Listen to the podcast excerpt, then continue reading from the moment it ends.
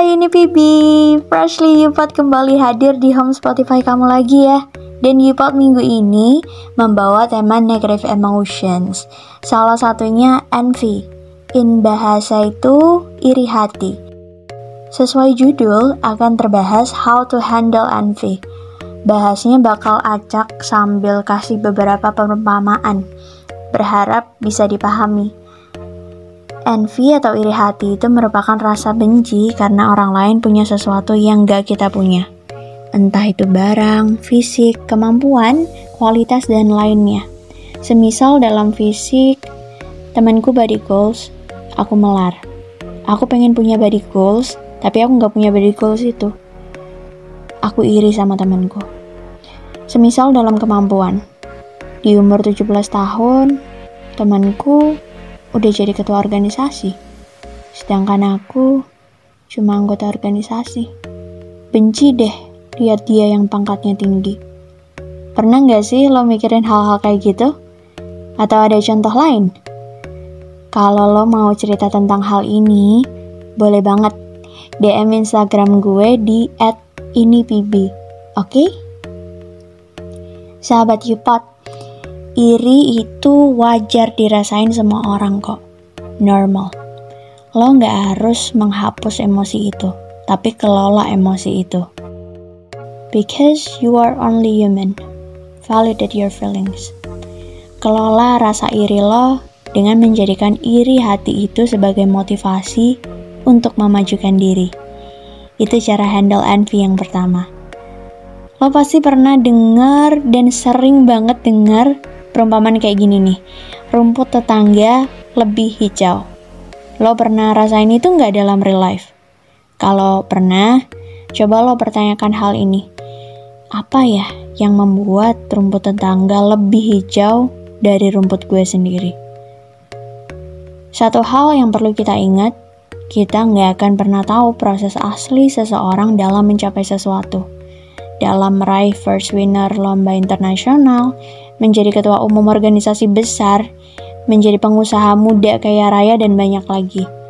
Tapi yang bisa kita pikirkan secara logis, bahwa apa yang kita tabur itu yang kita tuai. Perumpamaan lagi ya, pernah dengar dong pastinya? Artinya itu, hasil yang kita capai saat ini adalah apa yang kita kerjakan pada saat sebelumnya. Jadi kenapa bisa rumput tetangga lebih hijau daripada rumput kita?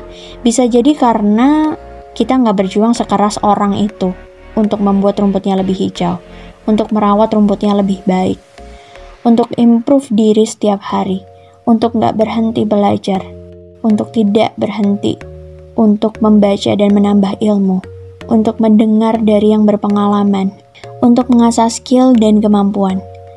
Bisa jadi sekarang dia lagi ngerjain deadline ya, dan lo lagi leha-leha dengerin podcast ini. Tapi gue appreciate karena dengan klik episode Yupot kali ini, itu menandakan lo pengen mengatasi iri hati yang lo lagi alami. Lo berusaha menjadi pribadi yang jauh lebih baik. Itu awal yang sangat amat baik. Karena kalau iri hati terus menerus lo produksi, seproduktif apa pun lo, sehebat apa pun lo, lo akan selalu merasa kurang. Lo gak akan pernah bisa merasa puas. Lo akan selalu mempertanyakan kehijauan rumput tetangga lo akan selalu iri. Di saat itu, lo lupa kalau setiap orang itu spesial, diciptakan berbeda. Beda fisik, warna kulit, kemampuan, kapasitas, dan lainnya. Kita berbeda, tapi porsinya sama. Karena setiap dari kita berharga di mata Tuhan, maka Tuhan gak akan membeda-bedakan kita.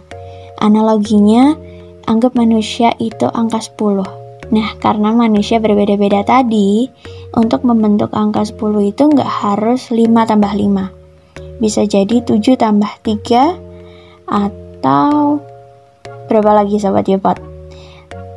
8 tambah 5 kurang 3. Macam-macam ya, tapi hasilnya tetap 10.